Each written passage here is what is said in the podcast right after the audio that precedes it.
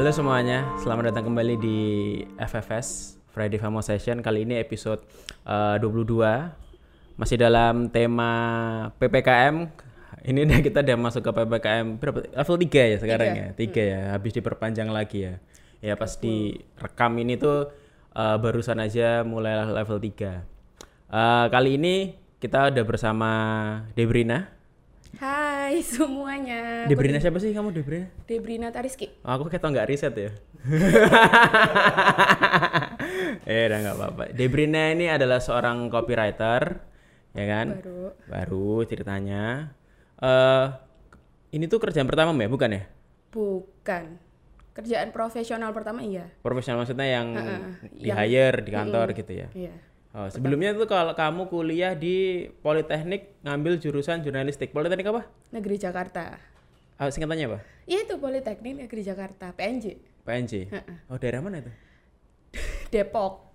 Oh, bukan Jakarta dong kalau Depok dong. Iya, bukan Jawa Barat. Cuman dia di dalam UI sebenarnya. Oh, di dalam Jadi, UI. mm-mm, dia tuh ad, dulu itu UI itu punya Politeknik. Mm-mm. Nah, PNJ ini, tapi Hmm, setelah misah. Mm-mm, setelah nggak boleh itu pisah, tapi tetap dia tetap di lingkungan UI-nya. Oh, berarti bisa ke Starbucks UI? Emang ada? Oh iya. Ada dong. Ada bener. Mm-mm. Enggak Oh, enggak. jalan, tapi males ya nggak sih? Jauh. Jadi harus pakai bis kuning gitu. Oh, oh di dalam situ tuh ada bisnis sendiri tuh. Ya ada. Aku baru tahu, nggak tahu, nggak tahu, Ada, ada dua, ada bus PNJ kuning, ada satu lagi bis UI. Eh, bisnya juga kalau lewat ada kernetnya di pintu. Ayo ayo ayo gitu enggak? Enggak, Oh, enggak, enggak enggak, kayak bis kota ya. Oh. Biasa aja paling dia cuman kayak apa ya? eh, dibuka dibuka biasa masuk ya udah. karena gratis kan jadi nggak ada gitu-gitu Itu saking areanya luas ya. kalau dibandingin univ-univ di sini sih iya Oh. lumayan. Soalnya kalau jalan juga capek sih gitu. It- jadinya itu di ITS luas nggak ada bisnya. Berarti lebih luas dari itu ya. iya. Emang ITS nggak ada bisnya Setahu Mbus sih aku aku nggak kuliah situ ya, tapi aku jalan-jalan di dalam-dalam situ. Ah. Nggak ada itu transportasi umumnya. nggak tahu sih aku. Pokoknya sih yang di situ ada dua. Satunya punya politeknik tapi lebih kecil. Namanya eh, satu lagi punya UI Oh. siapa pun boleh make Kamu di jurusan jur, ngambil jurusan jurnalistik. Mm-mm. Itu tuh ternyata ada ya spesifik jurusan jurnalistik. sebenarnya ada nah ada dua gitu satunya di mana ya Semarang apa ya kalau nggak salah Apa? Undip. Undip kalau nggak salah itu ada jurnalistik satu lagi di PNJ tapi eh, diploma Oh. nah aku ambil di situ karena salah jurusan sebenarnya Kamu pengennya awalnya broadcast broadcast. Broadcast jadi awalnya itu broadcast pengennya tuh kayak jalan-jalan ngereporterin eh, makanan seluruh Indonesia tahu nggak sih yang sekarang ada apa bikin lapar Ini wisata Trans wisata kuliner Bondan Iya. Winarno. Wil, bukan lawas ya, bukan lawas bukan ya. kalau iya. itu kan inces nabati kalau nggak Gak salah ngerti nggak nonton TV aku deh di rumah. so itu Ada di TV dah. ada dulu itu kayak eh sekarang sampai sekarang terus akhirnya aku pengen deh kayaknya jalan-jalan Makan, makan-makan review dibayar. gitu ya? Mm-mm, dibayar Oh. tapi aku pengennya itu di Trans TV jadi gitu pengennya Kenapa nggak ke jurusan broadcast? Kan jelas ada di jurusan broadcast. Bisa bisa kalau gitu kan kalau nggak ke komunikasi kan? nah kocaknya itu aku nggak riset kayak aku eh, pengen aja cuman eh, pergi ke luar dari sidoarjo buat kuliah aku pengennya ambil Merantau. merantau tapi cuman broadcast pengennya ter- aku kira jurnalistik sama broadcast itu sama. nah ternyata waktu udah dilakuin tuh beda banget gitu. Eh, bedanya tuh banyak bener-bener yang oh ketipu aku selama ini ternyata begitu. Tapi ternyata setelah kamu masuk jurnalistik eh nyesel apa? Kayak oh nggak ternyata oke juga gitu. Oke sih sebenarnya karena eh, untuk basic apa ya untuk di industri sekarang kayaknya kepake banget gitu loh Hmm, penulisannya. Mm-mm, penulisannya sama eh, bisa masuk ke mana-mana sebenarnya Hmm. jadi nggak nggak hanya reporter tok gitu kan kayak sekarang aku jadi copywriter nah kayak gitu Hmm. mungkin enak sih sebenarnya jurnalistik cuman akunya yang eh, jadinya yang awalnya berpikir salah jurusan tuh jadi kayak oke ah, kayaknya aku harus memperdalam ini deh Dan kamu akhirnya eh, tertarik gitu ya. Mm-mm. Tapi kan eh, dulu aku juga ke jurnalistik tapi Oh iya di mana? iya eh, ekskul SMA Oh, ini apa majalah Eh, mading. mading ya. Mm, majalah. Iya. Masih ada nggak sih sekarang anak SMA tuh ini A- bikin mading? Ada. Mading. Tapi bukan mading, majalah. Jatuhnya udah majalah, bentuk majalah. Oh, terus disebar gitu. Jadi nggak ada area di sekolah yang ditempel-tempel itu udah nggak ada ya? Enggak, kayaknya Nggak udah ada ya? udah enggak itu enggak sih? Siapa juga yang mau berhenti lihat ya? digital kan semuanya. Jadi paling kalaupun baca itu bukan bukan baca yang ditempel gitu, Ah, ah, pengumuman kayak gitu kan. Dulu aku SMA itu ekskul jurnalistik kan itu seminggu dua kali. Eh, aku eh, empat kali datang terus nggak datang lagi karena bosan. tuh? Oh, bosan. Iya, Bosan. gitu. Iya ternyata harus nulis banyak sementara em, capek maksudnya aku tuh merasa menulis itu eh, susah Iya. susah menulis itu susah enakan gambar Ah, Gitu. kalau aku sebaliknya. ya ya ya memang ada tipe-tipe orang yang berbeda nah di jurnalistik sendiri tuh sebenarnya yang dipelajarin tuh apa sih jurusan di sana tuh Kalau di sana itu, kalau di PNJ sih biasanya itu eh, lebih ke penulisan koran. oh di koran Jadi kalau misalnya kalian semua yang di sini misalnya mau masuk PNJ jangan harap itu penulisannya itu bakal yang bener-bener online banget gitu enggak. Kam- jadi kayak basic lo emang beda penulisan online dengan penulisan koran banget lah. oh iya tuh Kalau koran kan pasti jatuhnya eh, harus lebih serius terus ha- Oh. diperhatiin KBBI-nya banget. Ba- bahasanya baku Mm-mm, bakunya itu baku banget gitu.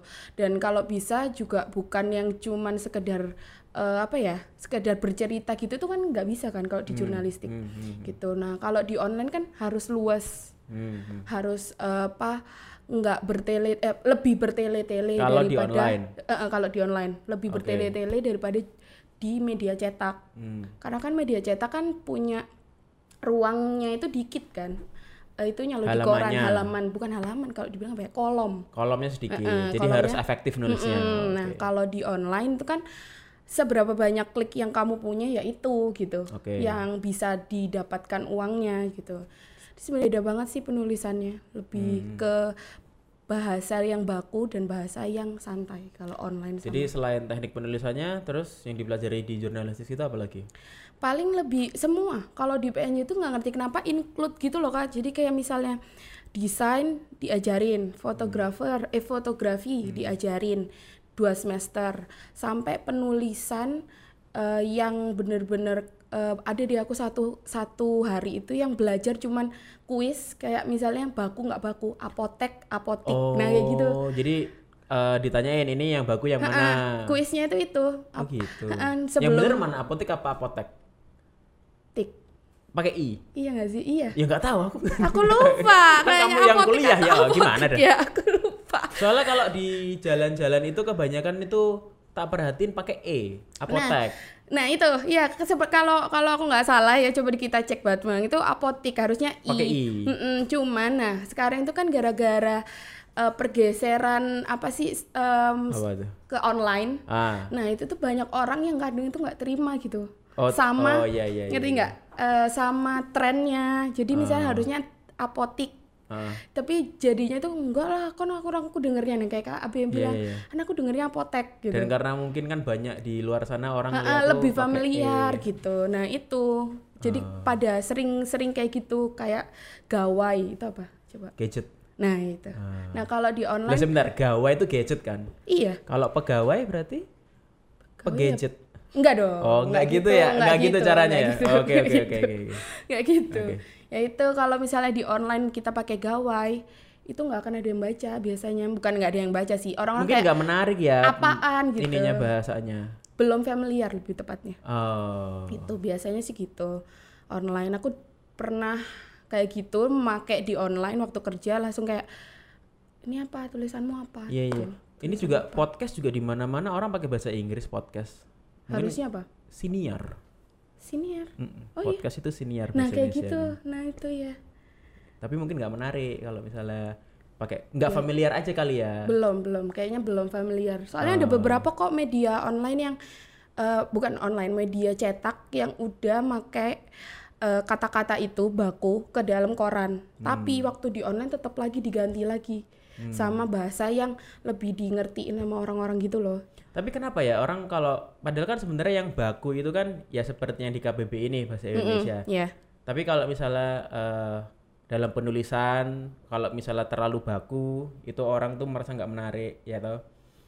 Nah itu juga terjadi sama kalau misalnya di film misalnya Hmm, penulisan iya. film itu kan kalau terlalu baku kan juga aneh. Padahal kan sebenarnya kan ya emang bahasanya gitu. Misalnya kalau kayak lihat film barat gitu eh sebenarnya kan kalau film barat diartikan itu kan itu adalah bahasa baku yang mereka pakai. Maksudnya bah- Oke, mereka pakai bahasa slang tapi nggak kayak kita banget gitu loh. Maksudnya nggak nggak kayak Bukan kita. bahasa percakapan ya. Heeh. jatuhnya. Misalnya kayak eh, kalau di sini tuh harusnya kan lumrah tuh kayak aku kamu. ya Oke. kan? Tapi kalau misalnya kita memotret eh, or anak gaul gitu, nggak ada yang pakai aku kamu. Padahal menurut kalau misalnya di barat gitu ya, semuanya kan me and you semua kan nggak maksudnya itu nggak bisa diganti kan? Oke. Ya nggak sih? Heeh. Tapi kalau dijadiin misalnya jadi film percakapan itu kayak kok aneh ya, ngono ya.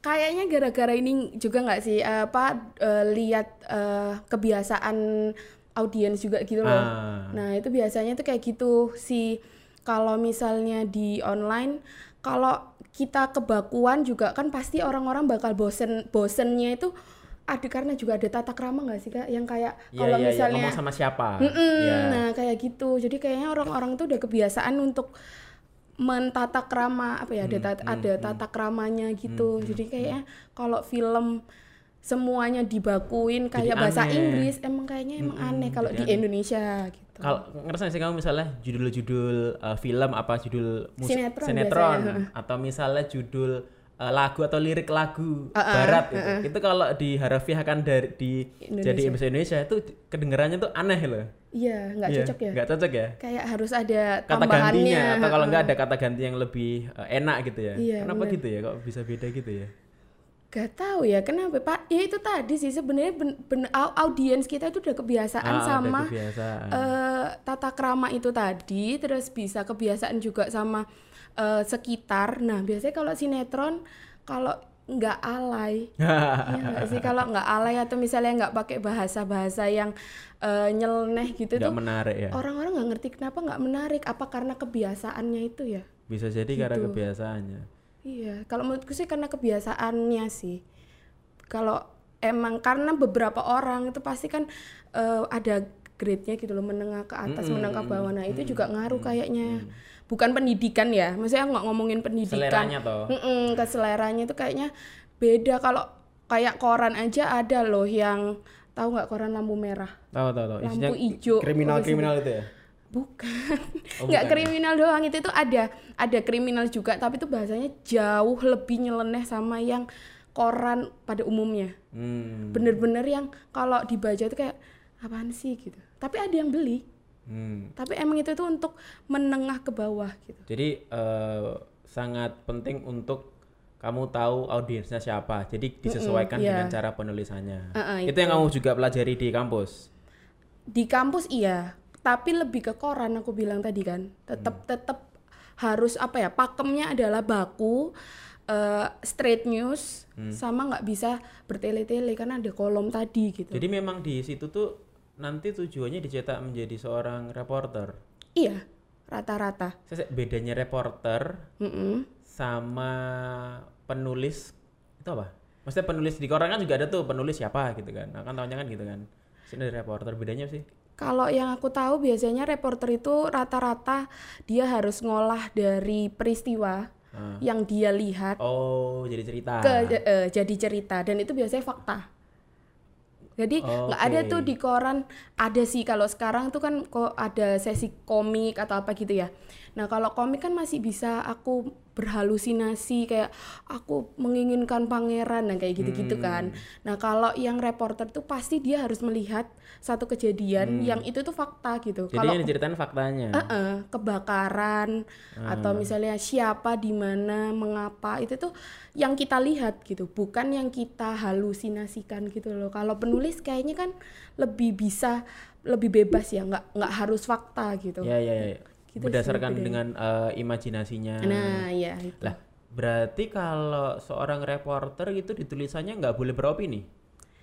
tergantung Tergantung apa gimana? tergantung dia ditaruh di di eh, di mana. Ah. Kalau kayak misalnya news yang benar-benar emang udah emang udah jelas itu fakta ya nggak bisa kan. Masa kita misalnya ada kebakaran eh, cuman dua eh 30 rumah misalnya, tapi kita bilangnya itu kecil. Nah, kecil kan buat aku. Gitu ya. Itu kecil. boleh. Iya, itu kan opini aku kecil, tapi belum menurut KB bisa jadi eh, 30 itu kan besar nggak gitu. boleh bias ya Nah, itu nggak boleh. eh. jadi kalau misalnya eh, kayak rumah ke- kebakaran penyebabnya karena eh, mungkin belum matiin kompor nggak boleh ya nggak gitu boleh ya? tapi kalau di online mending langsung ditulis. Penyebabnya belum diketahui. Eh, aman seperti itu. Amannya seperti itu. Cuman emang sih kalau di Indonesia eh, apa dilihat gambling kan jadi jadi apa gitu. Tapi kan kalau online kan cepat untuk di eh, apa ya ditambahin lagi info baru info baru kan. jadinya itu masih bisa gitu penulisannya seperti itu. Tapi kalau untuk di koran kayaknya nggak bisa bener-bener harus nunggu dulu gitu H, H plus Oke. satu Nah kalau gitu berarti kalau misalnya tulisan-tulisan eh, ulasan film gitu berarti bukan produk jurnalistik. Karena kan isinya opini. bukan Oh itu bukan. kalau bukan karena kalau dia tidak dinaikkan ke dalam eh, media online atau media cetak itu bukan Kan biasanya setauku ah, tuh produk jurnalistik itu tulisan yang eh, dinaikkan ke media cetak atau media online gitu Nah kan itu dulu kan ada tuh zaman majalah masih dicetak ya. oh ya sekarang majalah udah tahu jarang di, sekarang. dicetak. Itu kan ada eh, biasanya kalau di majalah apa gitu kan ada kolom eh, review, review musik, iya, ha. review film dan lain sebagainya. Atau misalnya ada kolom eh, gosip. Nah, Mm-mm, ya eh itu kan depends on opini kan. ya benar Nah, menurutmu itu melalui metode jurnalistik yang benar nggak? Atau memang sebenarnya jurnalistik itu memang ada area di mana eh, ada kita tuh boleh beropini, ada bentuk yang kita tuh boleh beropini gitu loh. Bol bentuk bisa jadi bentuk menurut eh, asal ya itu tadi aku bilang asal dia itu masuk ke dalam ini ke dalam Dia cetak. media cetak atau media media online online. atau disebarluaskan gitu. Ah, Tapi kalau misalnya beberapa eh, opininya kan karena ada faktanya, faktanya kan Ya, ditonton. ya, eh faktanya adalah dia menonton film. ad- filmnya tuh real gitu real loh, kan, ada. maksudnya bukan real filmnya, dia menonton film Oh, itu. dia bener-bener Kejadiannya kan dia nonton film, menonton betul. dulu Ya, baru ya. mereview. Nah, menurutku sih iya. Apalagi kalau dia nanti dicetak ke apa dicetak atau dinaikkan ke dalam media online ya bisa, asal dia faktanya adalah dia menonton dulu baru dia nulis. Nah, kan kamu tadi bilang produk jurnalistik itu adalah sesuatu yang kalau nggak dicetak, dinaikin ke cetak atau kalau nggak kan lewat online. Hmm. Nah, makanya kan sekarang kan banyak portal berita tuh online. Bahkan eh, yang tadinya kita semua tahu kayak misalnya kayak Hai. Oke. Hai itu kan puluhan tahun kan cetak tuh. Ah, ah, iya. Kan udah berhenti tuh cetak. Padahal harganya cuma 15.000 ribu loh. Oh iya. iya. Nah, itu cuma 15.000 ribu harganya. Dulu sebelum sebelum tiada ya cetaknya ya. Dengan sekarang kan tapi kan full semuanya kan online Iya. dan lain sebagainya kan. Nah, oke lah itu eh, produk jurnalistik dalam bentuk online. Nah, gimana portal-portal berita lain yang menyebarkan berita berita berita bohong atau misalnya hoax gitu. Itu gimana sih caranya kita tahu bahwa oh ini bukan jurnalistik nih gitu. Sebenarnya jurnalistik itu bu apa ya? Kalau di online itu pasti ada satu namanya kalau aku nggak salah itu ada pedoman media cyber. Nah, Nah itu tuh kayak semacam undang-undang atau apa ya? Kalau bisa dibilang rambu-rambu kalau kalian mau lihat itu media itu legit apa enggak? kredibel atau tidak. Ah. Nah, gitu. Biasanya kan ada yang mereka cuman membuat eh, website tapi bilangnya itu media online. Ternyata mereka itu nggak punya pedoman media cyber yang didaftarin ke dewan pers kayak gitu. Jadi kalau memang mau lihat nih kredibel atau tidak mending coba lihat di dewan pers. Itu biasanya ada dua kualifikasi gitu aku lupa deh. Misalnya si siapa ya? Yang terkenal apa sih di sini Kompas misalnya. Nah, Kompas itu misalnya dia ada yang cuman administrasi lolos administrasi doang sama satu lagi lolos semuanya Yang gitu. sesuai dengan aturan-aturan Dewan Cyber itu tadi. Dewan Pers. Oh, Dewan Pers. Oke. Kalau jurnalis itu Dewan Pers. Nah itu. Jadi kalau bisa lihatnya, kalau mau lihat yang kredibel atau tidak ke situ biasanya. Ah. Anak-anak jurnalistik akan lari larinya itu ke Dewan Pers untuk ngecek gitu. Cuman kalau eh, produknya itu pasti produk jurnalistik karena kan dinaikkan kan, Iya, iya. dinaikkan Pasti itu ke semua produk jurnalistik. Mm-mm. asal penulisannya juga pasti dia ngikutin 5W1H yang kayak gitu, Hmm, yang pedoman-pedoman jurnalistiknya itu pasti ada.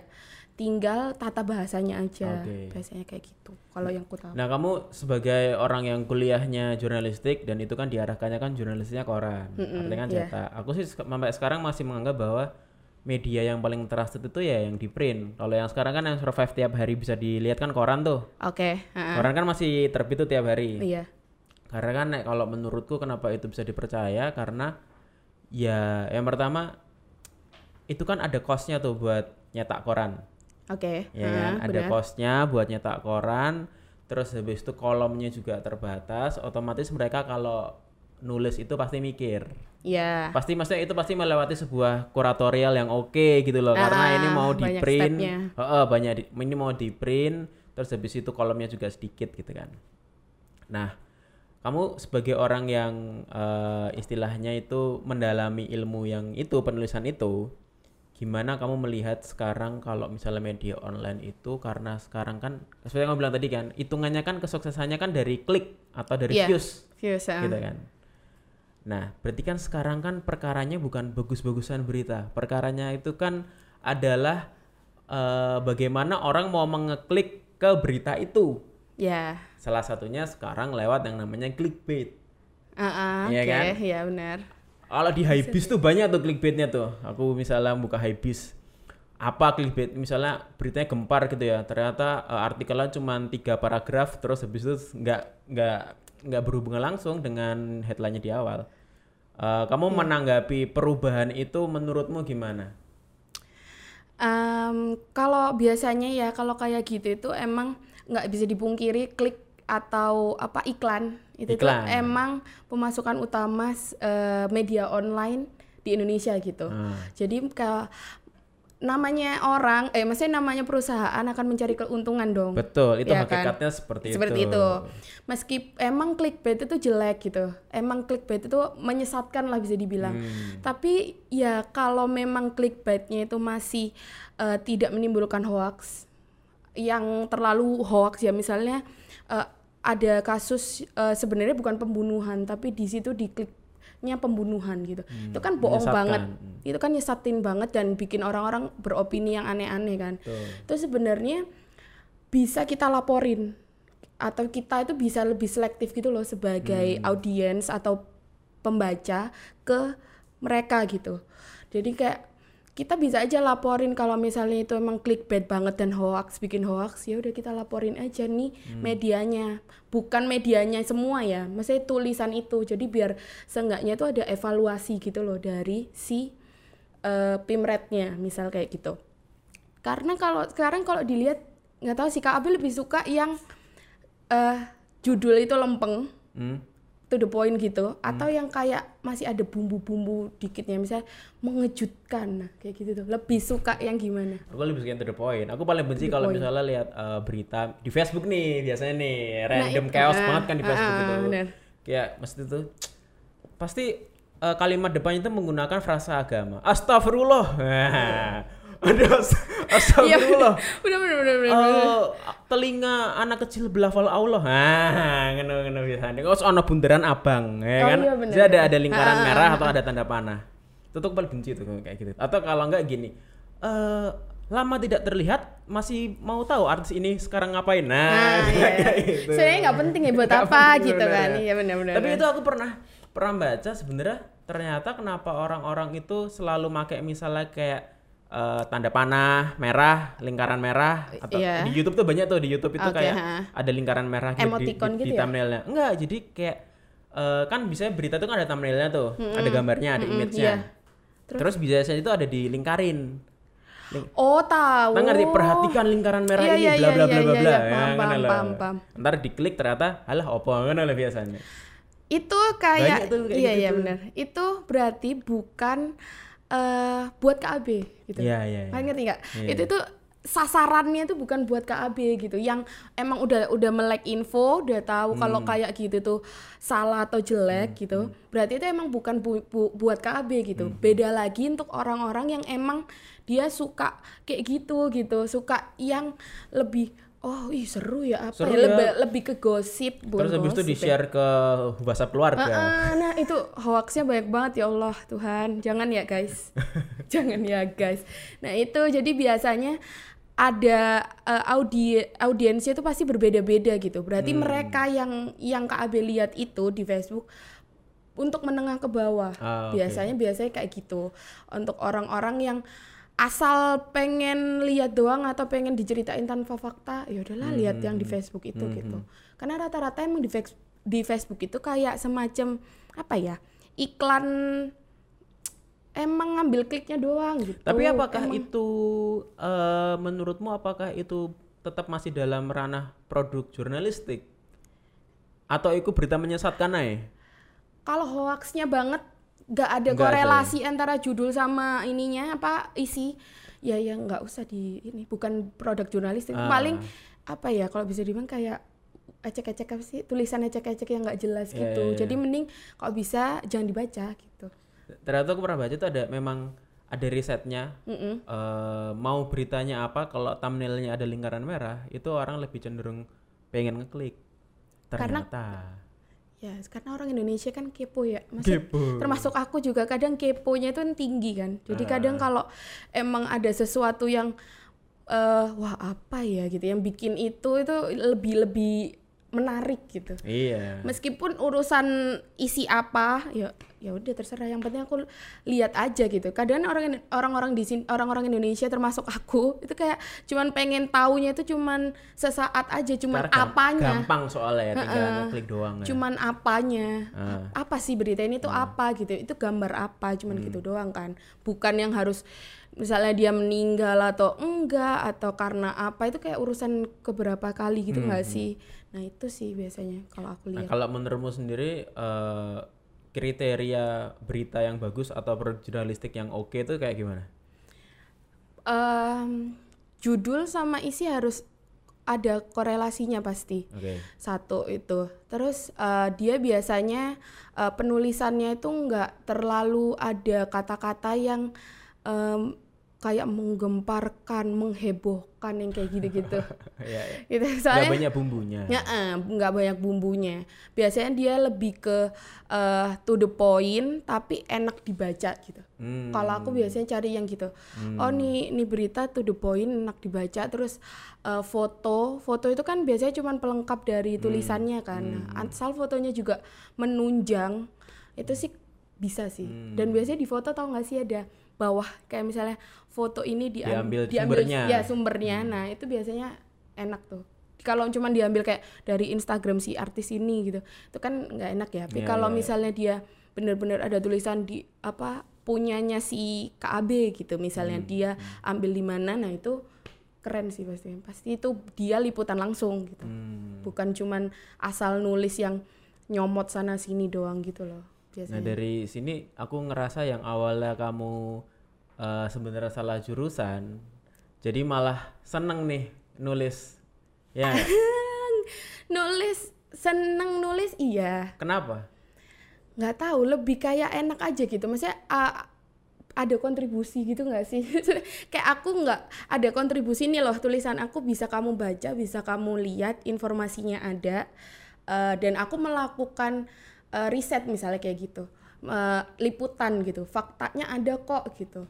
Jadi kadang kalau nulis yang semacam dongeng gitu itu aku rada nggak bisa gitu loh. Jadi kayak udah terfokus sama yang diajarin di kampus atau yang pernah aku kerja gitu. Karena yang fakta-fakta fakta gitu giliran disuruh nulis yang eh, ska- dongeng atau yang lebih luas Ya gitu. imajinatif gitu ya. ya imajinatif itu aku kayak masih pusing sendiri Hmm. langsung kayak aduh nggak bisa deh kalau aku ngehalu ngehalu gitu susah gitu Berarti kamu lebih seneng karena karena kamu membuat sesuatu dan bisa dinikmati orang. Iya, Ah. bisa bisa dibaca. Jadi seenggaknya kalau misalnya tetangga nanya, eh ada berita apa nih hari ini tuh bu- Hmm. bukan yang kayak katanya ini gini loh gitu, bukan katanya lagi, tapi kayak aku udah tahu, oh iya misalnya kok COVID itu segini gitu, Eh tapi katanya gini, enggak kok sebenarnya itu ini ini ini ini gitu. Jadi kayak ada fakta-fakta yang orang lain biasanya di miss itu sama aku kayak aku tahu kok tante ini loh ini loh faktanya gitu. Aku bisa beberin faktanya gitu loh. Kenapa menurutmu sangat penting untuk membeberkan fakta yang benar? ya kalau nggak kalau fak- fakta nggak dibeberin dengan benar biasanya itu jadi eh, opininya ke mana-mana gitu nggak sih? Biasanya itu pasti orang-orang akan bilang katanya ini katanya ini katanya ini. Nah itu tuh yang nggak enak gitu. Jadinya tuh jatuhnya lu nyebar bohong ke orang gitu. Biasanya banyak tuh kalau pagi-pagi di tempat jualan sayur. iya itu kan Nah, kayak gosip jatuhnya It, uh, uh, itu tuh katanya berulang ke jarene. Nah, Benar, benar. katanya si A gitu ntar si A udah hilang katanya si ini gitu pasti itu sering banget aku pernah kayak gitu. Nah, eh, tapi kalau sekarang medianya online, hmm, ya ya, itu kan kalau tadi kamu bilang iya nggak kalau kamu mau ngecek lihat aja di Dewan Pers dia masuk kriteria yang ini apa enggak, yang Ah, legit apa enggak. ya oke Cuman kan eh, kayaknya nggak semua terlalu repot ya kalau harus kayak gitu ya. Sedangkan kan sekarang kita tiap hampir tiap hari itu dibombardir informasi itu banyak banget gitu kan. Nah, menurutmu secara sederhana aja deh, gimana sih caranya kita kalau misalnya ngekonsumsi info eh, dari internet, dari media sosial? Oh enggak sih, bahkan Instagram aja itu sekarang udah jadi media. iya benar Iya kan? Heeh. Masuk yang konten. dari medianya itu dari berita kayak eh, berita yang sosial politik terus informasi yang sampai Infotainment. infotainment kayak Lambe Turah dan segala Lambe Turah tuh reportase loh dia pakai itu kan apa ngepoin pakai HP HP HP HP jadul tapi kan dia dapat dari orang iya dia dapat kontributornya orang gitu Heeh, heeh. jatuhnya dia cuman wadah untuk mengupload doang gitu Hmm. cuman kan eh, eh, penulisannya dia kacau kan maksudnya bener-bener yang kata kata-katanya tuh bisa aja kata-kata pri apa pribadinya dia gitu Opininya. opininya dia Nah, gitu. itu kan kamu bisa eh, ngomong gitu karena kan kamu ngerti Tahu, nih, tahu kan. Nah, tapi kan penikmat berita atau informasi kan tuh semua orang tuh. Secara sederhana gimana sih caranya bedain eh, informasi ini legit sama enggak? Gampang sih kalau kalau menurut aku eh, setelah ser- searching di Google biasanya itu kan ada tuh eh, paling atas Apa tuh? Eh, Resultnya ta? Iya, resultnya paling atas. Nah, itu biasanya eh, masuk em, apa ya perusahaan-perusahaan yang emang terkenal kredibilitasnya itu kelihatan gitu. Hmm. Jadi misal kita cari satu em, berita, terus keluarnya misalnya si A gitu. Nah si A ini kan udah jelas nih kalau orang-orang udah tahu, udah terkenal gitu. Kecuali kayak modelan apa ya? Aku boleh sebut gak sih? Boleh nggak apa? kayak misalnya tribun nah, kayak gitu itu kan dia belum tentu belum tentu bagus penulisannya ya Tapi sudah cukup terkenal tuh Tribun itu. iya nah itu kayaknya kayak kayaknya kita harus balik lagi ke diri sendiri gitu loh kak untuk melihat kayak penulisannya itu senyaman apa buat kita nah kalau emang itu menurut kita nyaman dan oke aku bisa kok nerima ini informasinya jelas kok ya itu berarti bisa bisa kita anggap itu incredible gitu loh Hmm. dan tidak menyesatkan gitu. Kadang kan kita juga aku tahu lah pasti orang-orang nggak akan terlalu apa terlalu tidak mengerti gitu. Ya. Kalau emang beritanya eh, jelek pasti kan langsung males baca. Hmm. Nah, kalau asal biasanya berapa detik ya? Kalau orang menulis itu 10 klik, pokoknya sekali klik kalau kita 10 sampai 7 detik kita stay di di web itu, ya berarti itu kita nyaman bacanya. Ya itu aja Oh, yang yang di apa ya? Yang dibuat patokan gitu. Hmm. Selain kita udah tahu kalau itu terkenal atau enggak eh, perusahaannya. Nah, Biasanya kalau aku gitu. misalnya kayak beritanya ini sensasional nih, Mm-mm. ya kan? Nah, tapi ini masih eh, bisa aja benar, bisa aja salah. Gimana caranya kita harus verifikasi? Iya, pasti. Ah, harus harusnya kita eh, pembaca itu nah harusnya itu medianya yang melakukan verifikasi dulu jangan sampai nih berita udah di- dinaikin tapi verifikasinya kurang itu kelihatan banget kalau dia nggak prepare-nya itu nggak terlalu bener gitu loh kalau misalnya udah beritanya aja kayak ada eh apa sih updateannya tapi updatean permohonan maaf kalau berita itu salah, Salah. atau menyesatkan ya itu udah udah bisa kita nilai kalau itu media ya kurang gitu. Kalau aku biasanya gitu karena ya pasti harusnya berita itu double check, triple malah kalau katanya orang-orang harus triple check. Kalau nggak triple check ya kamu mau nyebarin info atau edukasi ke orang tapi kamu nggak nggak cek berkali-kali ya buat apa gitu kan. Sama aja kan kamu bisa menyebar kebohongan gitu Itu tugas medianya atau tugas audiensnya? media dong. Oh, oke. kalau au- pokoknya audiens tuh harusnya menerima berita itu harusnya benar. Pokoknya udah tahu dan jadi gitu ya. eh, eh, dan triple check. Karena ya namanya audiens itu nggak bisa diarahin gitu nggak sih? Opininya tuh nggak boleh nggak bisa disatuin kan? Hmm. pasti opininya kan ke mana-mana. Jadinya kalau memang kamu eh, atau yang punya media ini eh, keren ya pasti triple checknya itu kenceng Nah, ini tadi kamu ngomong gitu jadi aku jadi eh, apa tuh penasaran. Menurutmu eh, media itu Hmm. atau berita ya itu bisa mempengaruhi opini mayoritas masyarakat nggak? bisa Hmm, gimana maksudnya?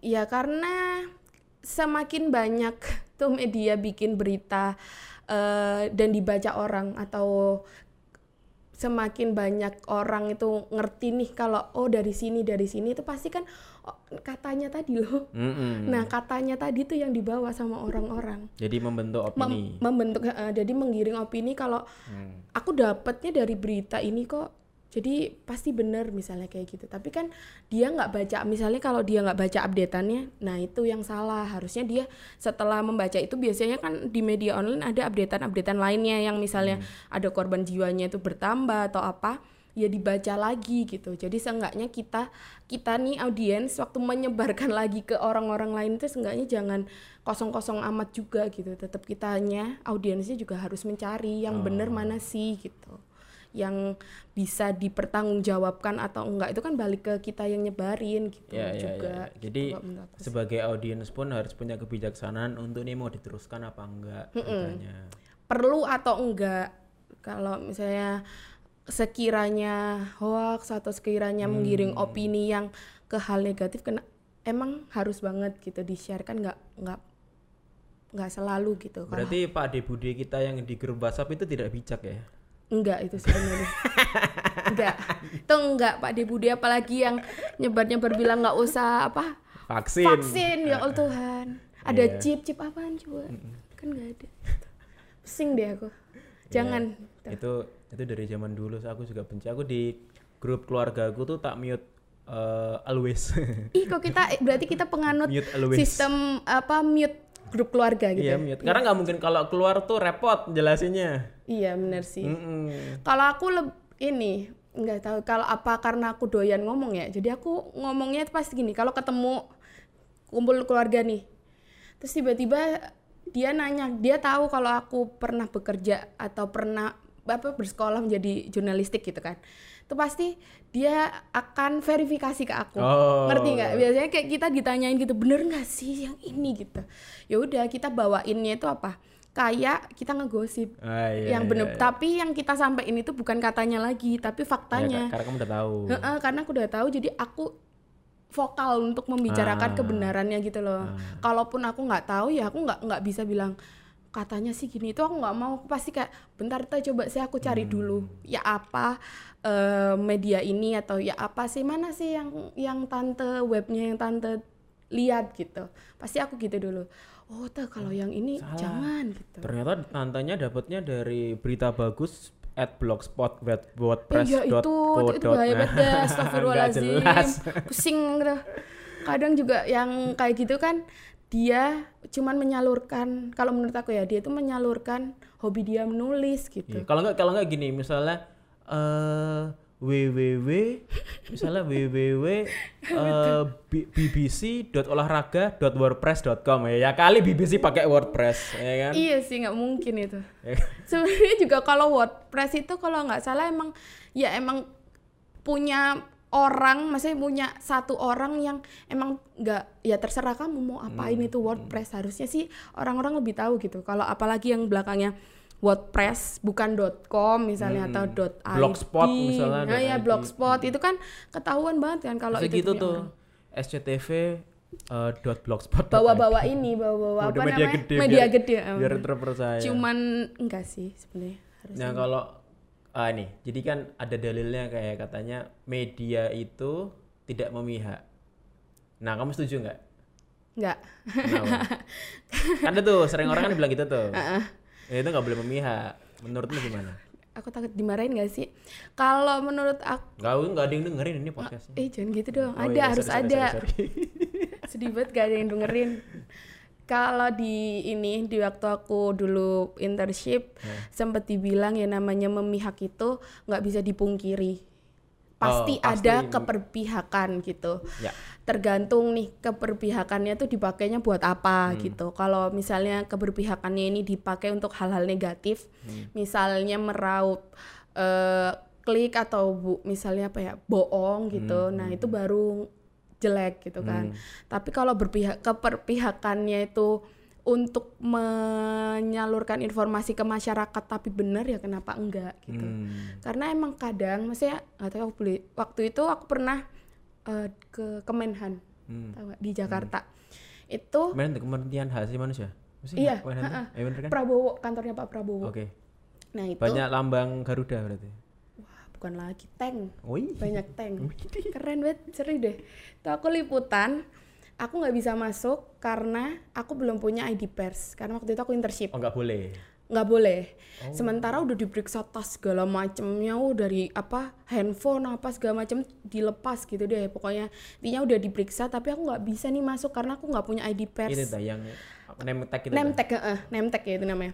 Nah lah itu kan name tag kan dari jauh tuh udah kelihatan ya nggak pakai name tag kenapa masih diperiksa segala sih gimana sih nih Pak Prabowo nih karena ditanya dulu biasanya Oh. kalau kalau media tuh gini ada apa ya orang-orang pemerintah tuh nggak se- nggak segalak itu gitu loh ngerti nggak sih Ah, kak? ah. Jadi kalau dia tanya dulu Ha-ha, pasti gini kalau kita datang kalau ada orang datang ke situ itu pasti kadang kalau nggak jurnalis ya orang sekitar situ atau kalau di Kemenhan apaan sih? Kan nggak mungkin ngurus-ngurus eh, administrasi kayak dukcapil kan? Ngerti gak sih maksud yang aku? ke situ ya? Iya kan? Nah itu pasti kan yang datang juga beberapa orang yang emang tujuannya itu oh masuk. Komandan itu pertahanan? Iya pertahanan ya. Aduh aku kok oh, pertahanan. ya Terus, itu. terus, terus.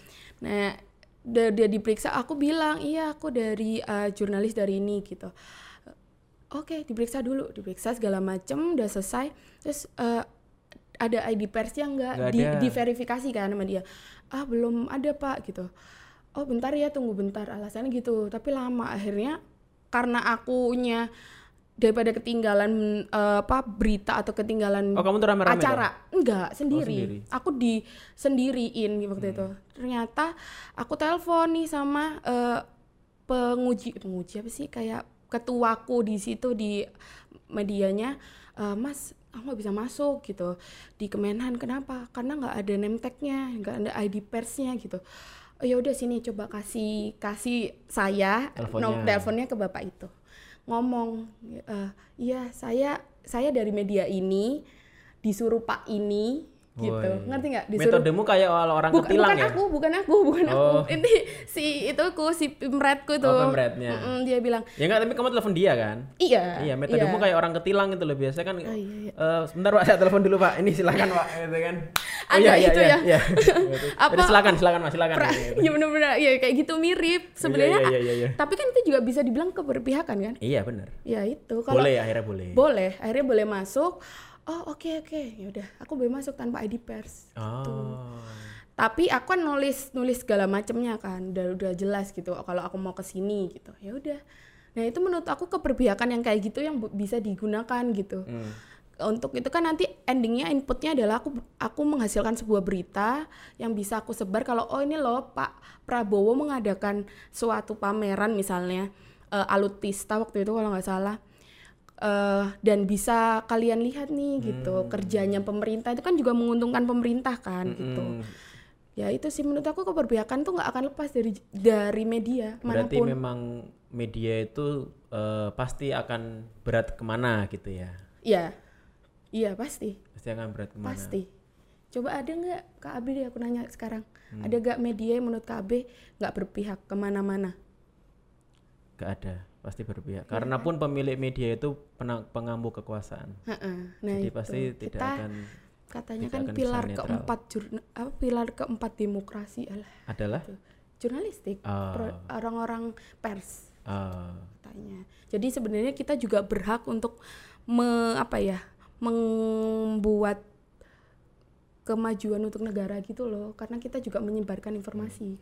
Nah nih ngomong-ngomong eh, menyebarkan informasi nih, menurutmu semua kan eh, untuk kita menyebarkan informasi itu kan pasti, apalagi kamu sebagai eh, reporter ya, cuma dulu kan Iya. reporter, itu kan pasti punya tanggung jawab moral tuh, ya kan oke. untuk ses- untuk sesuatu yang kamu keluarkan. Iya. Nah menurutmu, menurut kita bicara tadi media itu tidak berpihak, lalu ternyata aku baru tahu pilar keempat demokrasi adalah jurnalistik, artinya kan menjamin untuk informasi itu Warna. keluar kan, Iya. maksudnya eh, berbicara soal kebenaran. Kamu percaya nggak?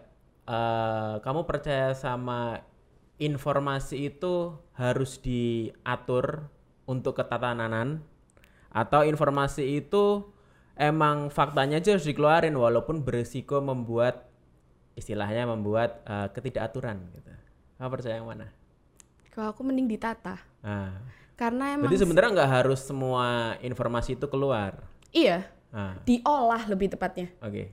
diolah karena emang emang beberapa beberapa fakta itu eh, kalau sampai ke masyarakat itu emang belum tentu bakal menjadi sesuatu yang positif kan Hmm.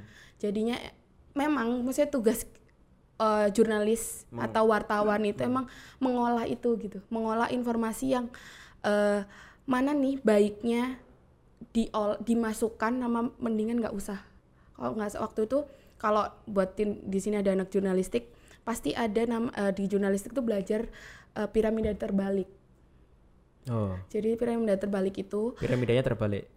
Nah, iya kan kalau piramida terbalik itu berarti piramidanya Iya. terbalik. maksudnya adalah informasinya yang paling penting itu di atas sementara makin ke bawah itu makin tidak terlalu penting tidak pen- bukan tidak penting tidak terlalu penting itu letaknya di bawah Tapi kan tidak terlalu penting itu kan objektif, tidak terlalu penting untuk kepentingan siapa?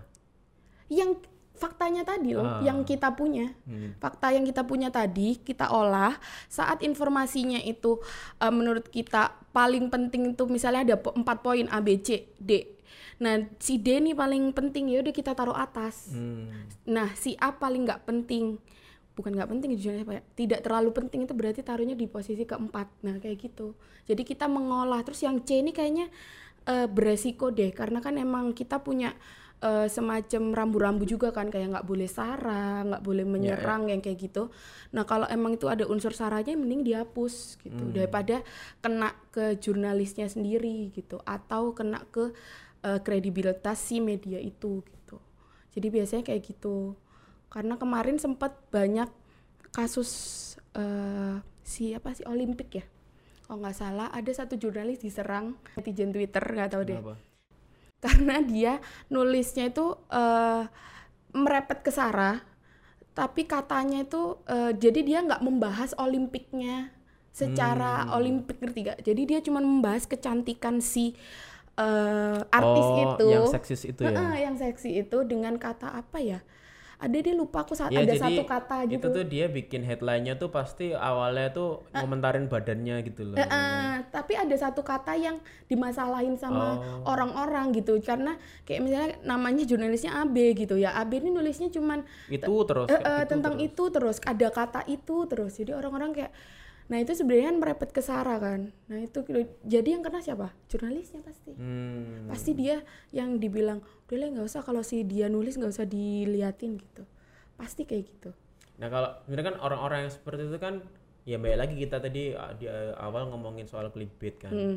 Karena memang sekarang uh, fieldnya itu diukur dari banyaknya like sama banyaknya views karena nanti kalau eh, kayak gitu kan otomatis iklan yang masuk juga banyak, Banyak. dilihat kan duitnya juga jadi banyak nah menurutmu lebih penting untuk eh, beritanya benar atau beritanya rame karena tadi seperti kita bilang yang lagi-lagi nah yang namanya media Hmm, jurnalistik itu Iya. di bawah naungan sebuah perusahaan iya. ya kan menurutmu eh, lebih penting beritanya benar apa beritanya rame Tergantung jurnalisnya. Kalau Hmm. aku pengennya beritanya bener dan rame. Gimana tuh? nah itu coba gimana tuh nggak sekarang gini misalnya kalau aku ngeliat tuh berita itu sekarang tuh populis jadi apa yang lagi ngetren semuanya tuh beritain itu ya kan misalnya Iya. contoh ada kasus eh, itu si apa ex mensos di penjara 12 tahun Oke, ha-ha. beritanya semua dari berbagai angle itu semua aku tuh mikir nggak mungkin men cu- cuman ini yang penting saat ini ngerti nggak pasti ada Iya. hal lain yang juga nggak kalah penting cuman kekubur gara-garanya semua orang beritain hal yang sama kan gitu Iya. nah menurutmu gimana sih formulanya membuat se- se- sebuah berita itu eh, ya bagus ya rame gitu loh Jujur aku sampai sekarang juga belum menemukan formula itu gitu. Ah. Karena apa? Kalau nggak salah itu adalah butuh jam terbang. Hmm. Jam terbang di sini maksudnya kayak kita sering nulis juga, sering meliput. Nah itu tuh ternyata ngaruh gitu ke eh, jurnalisnya sendiri gitu. Namanya kalau orang cuman di satu tempat ya pasti kan capek. ya. Maksudnya pasti ya, ya. tidak akan berkembang gitu. Tata bahasanya kurang, eh, eh, pemikirannya juga kurang gitu. Jadi kalau menurutku harusnya dia bisa mengolah berita itu menjadi berita yang penting, ada ada unsur pentingnya, tapi dia juga enak dibaca. Hmm. Sebenarnya itu formula untuk di mana di media online tuh itu. Kamu kamu gimana caranya untuk membuat tulisan itu enak dibaca sama orang agar orang ini tuh nggak bertahan cuma 7 detik, tapi mereka melewati klik by klik gitu loh. Hmm. By klik tulisan kita, jadinya kita bisa dapat uang Hmm. dari klik mereka juga dan bisa tulisan kita itu dibaca gitu. Karena enak dibacanya tadi gitu. oke nah Kalau aku lebih ke situ semua biasanya. ini menjadi menjadi membuat aku penasaran apa tuh? dalam eh, kan kamu udah jelasin banyak nih ya kan? Apa segala macam. Kamu kuliah jurnalistik punya pengalaman juga jadi reporter ya kan? Sebelumnya kan kamu sempat di media yang yang lumayan lah gede kan? Bisa dibilang gede gitu kan. Nah eh, lalu kenapa terus sekarang jadi copywriter?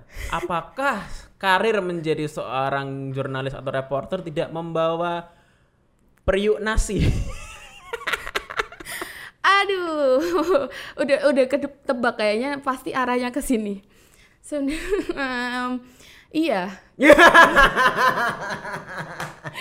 Ah, Sebenarnya kalau kat- kata jurnalis eh, senior itu emang kita jurnalis-jurnalis eh, apa pemula, itulah bisa dibilang. Itu dibilang gini, eh, kalau kamu cari di sini tuh cari uang, bukan tempat. bukan tuh baca Heeh.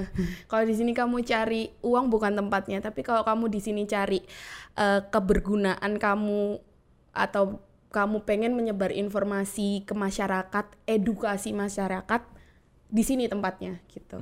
Jadi kalau memang mau nyari pahala tuh ya bisa dibilang gitu tahu, sumpah deh, itu capek banget, capek banget kerjanya bener-bener yang wah gitu. Setelah aku lihat oh gini ya, itu aja dulu aku internship gitu, internship aja bisa pulang sampai jam 2 perkara nunggu siapa sih dulu bupati, bupati ya, Bupati sidoarjo, Oh nggak ngerti aku. Saiful Saiful, Saiful Jamil? Ilah, itu siapa sih Oh, lupa aku. Jamil. Nggak ngerti aku. ya. Pokoknya ada bupati sidoarjo yang korupsi ketangkep OTT. Oh. Nah itu aku pernah di KPK dari jam 8 pagi sampai jam 2 Cuma nunggu orang keluar kan tuh. Iya ternyata tau nggak kita diapain di prank dia keluarnya dari belakang Iya dia nggak mau, nggak mau ditodong.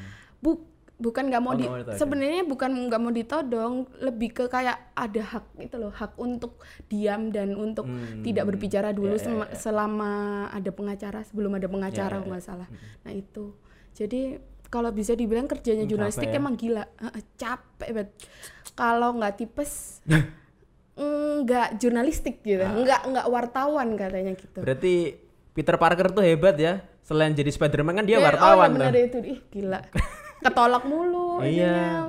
Pasti di, dibayar di rumahnya nyetok tolak angin banyak itu. ya itu itu itu wah cobain deh seminggu oh tolak angin langsung to the rescue wah duh tolak angin mana gitu Jadi eh, alasan kenapa sekarang menjadi copywriter adalah motif ekonomi. emang gitu ya bisa dibilang gitu ya ya Atau bisa- gimana? ya, ya, Iya. oke lah. iya sebenarnya Kenapa ke copywriter? Eh enggak, kalau masuk ke copywriter maksudnya kan kalau di uh, industri kreatif kayak ini kan lebih kayak uh, copywriter konten Instagram. Maksudnya kamu merepresentasikan sebuah produk kan. Hmm. Iya. Nah, itu uh, kenapa shiftingnya ke situ? Sebenarnya jadi copywriter itu masih masih relate sama jurnalistik Hmm. karena nulis nah soalnya nggak semua wartawan atau jurnalistik itu punya passion untuk mendesain Hmm. nah kadang kalau content writer eh ko- konten Iya, bisa dibilang content itu writer. iya content writer itu biasanya dia harus juga mikirin uh, gimana baiknya warna gitu-gitu kan. Yang setahu aku dia harus mikirin konten itu gimana dikemas dengan baik gitu. Nah kalau copywriter kan dia Tulisan tok. tulisan tok gitu. Jadi dia udah ada plan-plannya dari apa dari perusahaannya untuk nih kamu kopinya kamu yang mikir gimana caranya kata-katanya itu menju- menjual lah segala macam gitu. Jadi sebenarnya untuk aku yang nggak bisa desain kayak aku yang nggak bisa desain copywriter tuh bisa untuk plan selain jurnalistik eh selain eh, reporter Reporter. Heeh. Hmm. Kalau reporter itu masih bisa harus jago nul- eh, nulis sama fotografi. Tapi kalau kopi, Oh iya, itu yang nulisnya foto tah? loh iyalah. Oh iya toh. Lah terus siapa? Masa kita bawa KB? KB ya ya yuk. Oh, enggak fotografer, fotografer doang terus yang nulis enggak gitu ya. Oh, karena ceritanya pas di situ soalnya ya. Mm, enggak. Jadi kita apalagi kalau online biasanya itu one man shot apa ya namanya one man shot ya. One man shot gitu. Jadi kita yang nulis, kita yang rekam atau kita yang Oh, nge wow. apa ngefoto gitu. Ah. kecuali kita ngelakuin eh, apa breaking news misalnya yang harus bener-bener pakai mic yang eh, live banget Oh, yang nah di TV-TV live, gitu ya? eh, yang di TV-TV itu enggak itu pasti ada kameramennya atau dia membawa satu tim isi tiga orang gitu Ah. tapi pasti tuh orang yang yang nongol di TV itu pasti dia membuat skrip dulu dia pasti dia yang ngecari bahannya Hmm. baru dia mengeluarkannya lewat visual lah kalau yang anak jurnal apa jurnalistik atau wartawan mengeluarkannya lewat tulisan bedanya Nah, kamu dari background jurnalistik terus jadi copywriter itu menemukan perbedaan nggak? Maksudnya, apakah kamu eh, ada adaptasi yang harus dilakukan gitu? banget sih sebenarnya Oh banget, itu lumayan gede berarti. Iya. Oh ap- apa apa, Pe- perbedaannya apa? Selain dari masalah motif ekonomi ya? aduh iya itu itu ke pertama kayak malah terbelakangi gitu. Kalau eh, jurnalistik itu biasanya dia nulisnya masih bisa panjang. Minim itu 300 sampai 400 kata. Oh ya, dalam satu postingan. Satu postingan berita satu gitu. berita nah kalau di copywriter jangan sampai 50 aja tuh kayak udah penuh gitu loh iya. harus 20 30 kayak Iya. gitu Di nah Instagram aku kalau di Instagram lihat caption misalnya apa gitu udah panjang males pak. iya kan nah ya itu kalau Instagram memang kan jatuhnya visualnya yang dilihat gitu nah kalau yang di media kan banyak tulisannya tuh aku harus mikirinnya tuh gimana ngolah fakta kecil jadi jadi tulisan yang banyak tapi tanpa mengada-ngada. Nah, sementara kalau jadi copywriter itu harus kamu harus ngasih fakta tapi yang ngejual gitu. Ah. Kamu harus menjual lewat tulisan, ngejual perusahaan atau brand itu lewat tulisanmu Nah, gitu. yang kamu Yang dikit. yang kamu komunikasikan untuk menjual Hmm. itu mengada-ngada apa memang ada? Atau memang itu emang emang tekniknya adalah harus mengada-ngada juga agar lebih bisa menarik?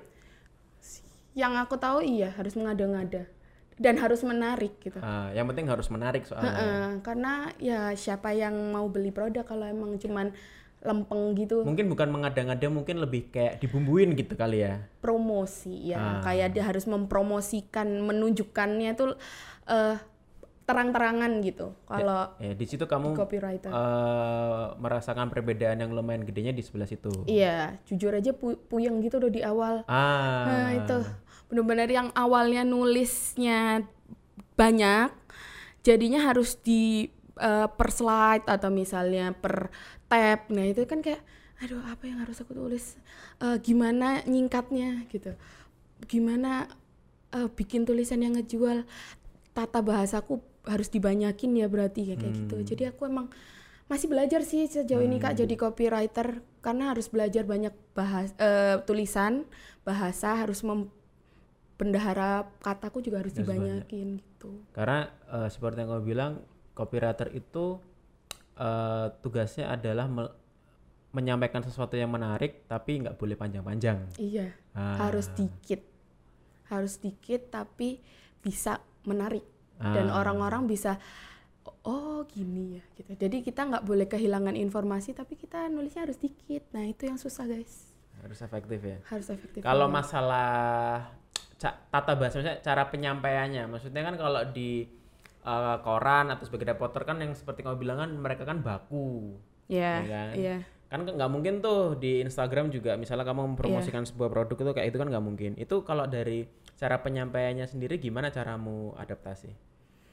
Eh, paling lebih ke harus lihat eh, satu klien ini gimana dulu penulisannya misalnya. Nah aku biasanya lihat-lihat eh, antar klien. Oh kalau misalnya dia tata bahasanya itu dia emang eh, sla- bukan slangnya apa sih kayak Santai. santai. Nah itu lebih bisa lah. Oke dia berarti santai. Kalau emang dia agak baku dikit cenderung santai oh berarti harus diginiin gitu kadang emang ada yang kita bisa pakai kata eh, percakapan kata percakapan yang biasa kita gunain gini masuk ke Twitter ada yang enggak ternyata Oh. jadi emang eh, tergantung klien-kliennya itu tergantung dia maunya apa dia dia gimana nge-branding si eh, brandnya itu gitu kalau dia emang brandingnya santai dan kayak lebih ke audiensnya lebih ke anak muda oke berarti kita harus jadi pembaca anak muda gitu jadi kita kayaknya sama sih mirip kita harus menempatkan posisi kita di pembaca itu Hmm. jadi kita harus jadi pembaca juga setelah kita jadi pembaca oke kita mau mau gimana nih biar kalau kita baca tulisan kita menarik atau enggak oh jadi harus kayak gini harus kayak gini gitu. Lebih ke situ sih biasanya harus lihat dulu gimana kliennya gimana eh, cara kitanya juga pembaca menyukai tulisannya misalnya. Dari situ sih kalau aku belajar ya. Dan sejauh ini yang kamu rasakan gimana? Kamu enjoy nggak? enjoynya enjoy tinggal aku kadang tuh pusingnya adalah kalau udah direvisi nah Ah. itu yang pusing Karena kalau direvisi kamu harus mencari jalan putar untuk mengganti ini kira-kira katanya katanya kan apa. nah yang diganti itu kan katanya nah ternyata tuh copywriter tuh yang puyeng itu adalah mengurus katanya Per- gitu. Kamu vocabnya harus banyak. iya ternyata Ah. dan nggak itu itu aja gitu harus yang santai gimana satu kata ini santai ini nggak santai kayak ah, kalau bahasa Inggris apa vocabulary berarti Ah, ya ya itu kayak verb satu dua tiganya itu juga harus kita Ah. cari tahu gitu loh Ah. lebih dalam nah itu biasanya kalau aku itu yang harus lebih kamu per- perkaya lagi ya. iya sampai sekarang Ah, Oke. tapi aku belum menemukan pelan-pelan sih kayaknya itu Iya, ya iya. sih Iya. harus benar-benar harus eh, kebiasa Hmm. kan aku pun kalau dari nulis berita itu butuh waktu untuk aku bisa enjoy yang nggak pusing berkepanjangan gitu yang harus misalnya 10 berita biasanya dalam waktu 5 jam misal atau misalnya seharian satu berita seharian itu kan harus ada beberapa jeda saya seminggu atau dua minggu untuk biar aku nulisnya itu jadi sehari bisa lima enam gitu. Kayak gitu. Ternyata di copywriter juga juga kayak gitu. Meskipun tulisannya kecil-kecil tapi kan dia banyak tuh eh, apa konten-kontennya jadi emang kita juga harus pelan-pelan sambil bera- belajar juga gimana caranya untuk memperbanyak kata Ah, berarti itu ya. Lika-liku sebagai copywriter. ih baru nggak ya, tuh Ya nggak apa-apa kan kita kan semua harus belajar. Nah, ternyata ini ada aku apa sih satu kat, satu kalimat Ah. apa ya? Ah, ini ya quote ya. Kata-kata mutiara. Enggak, yang aku pegang adalah akan ada eh, semua itu akan ada pertama kalinya dalam hidup. Oh iya. Apa pun itu. Heeh. Jadi kayak jadi copywriter pun ini pertama kali, tapi ya emang harus di jalan ya coba aja gitu. Coba dulu gitu. Meskipun pusingnya pasti ada, senengnya pasti ada, tapi kan nggak barengan gitu. Jadi pasti akan ada semua itu pertama kali. Waktu pertama kali dalam hidup. Yang penting kan paling enggak sekarang kamu tolak anginnya nggak sebanyak dulu. iya perlu lebih ke apa ya counter pain yang kayak Counter gitu karena ya. duduk terus. duduk terus Betul. ya kan Counter pain, Bener. terus koyok cabe itu ya Mm, dibanyakin. ya itu lebih oh iya bener-bener bener. makan Iya makan sama harus ada spending untuk pijet ya. oh iya itu kayaknya deh nanti deh Eh, Aku setiap bulan 11 kali pijet soalnya duduk terus. Capek ya? Capek, capek, capek. belum nanti duduk di motor Belum du- di pulang motor duduk lagi. Kalau nggak pulang jalan aja biar nggak duduk. jauh shy Oh jauh. Mm, mau dianterin atau gimana Wah, tak anterin tapi jalan juga. jangan guys capek gitu ini kita udah wah ini udah pas nih Wow. sejam lima menit. Kamu ada yang mau kamu tambahkan untuk teman-teman mungkin yang uh, berminat juga jadi copywriter atau mungkin sekarang mereka suka nulis tapi bingung mau jadi apa gitu. Kamu mau ada yang mau kamu omongin? buat semuanya atau kalian yang menyaksik eh menyaksikan Iya, mendengarkan podcast ini gitu. Yang di YouTube mendengar menyaksikan yang di pod di Spotify. dan dua-duanya lah ya Dua-duanya, Oke. harusnya itu kalau memang kalian mau intinya adalah kalau emang kalian mau jadi apa yang kalian mau lakuin aja. Asik. Itu gak sih? Itu di quote nanti tuh. iya gitu.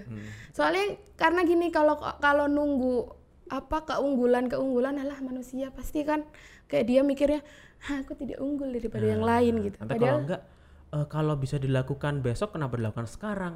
ah, itu PR kayaknya itu kan kalau ngerjain PR kan gitu Hmm. Nah itu kalau menurut aku sih buat kalian yang mau jadi copywriter atau jadi apa pun selagi masih ada kesempatannya dan bisa lakuin. Sikat aja ya. Oke. Kan belum tentu kalau kalian tuh bakal nggak bisa atau apa pasti diajarin tenang. Belum tahu. Jangan-jangan ternyata setelah dijalani eh, suka Nah di, di tempat bisa itu. jadinya gitu. kayak aku awalnya tidak eh, berniat jadi jurnalistik eh jurnalis jadinya suka Suka. gitu, Padahal sama awalnya nulis. eh, salah jurusan. Nah, gitu. Jadi jalanin aja dulu. Oke, luar biasa. Sebuah pesan dari Ibu Debri. Kayak ini ya bu guru nggak sih apa emak-emak gitu ya. Apa-apa. Semoga inilah kalian bisa mengambil apa ya intinya hikmah, dari kejadianku yang salah jurusan. Jangan sampai nggak apa-apa salah jurusan seru. Yoi. Oke, eh, mungkin gitu aja dari kami buat episode ini. Terima kasih teman-teman yang udah mendengarkan dari awal sampai akhir. Eh, ketemu lagi di episode selanjutnya di Friday Famo Session. Dah. Hai.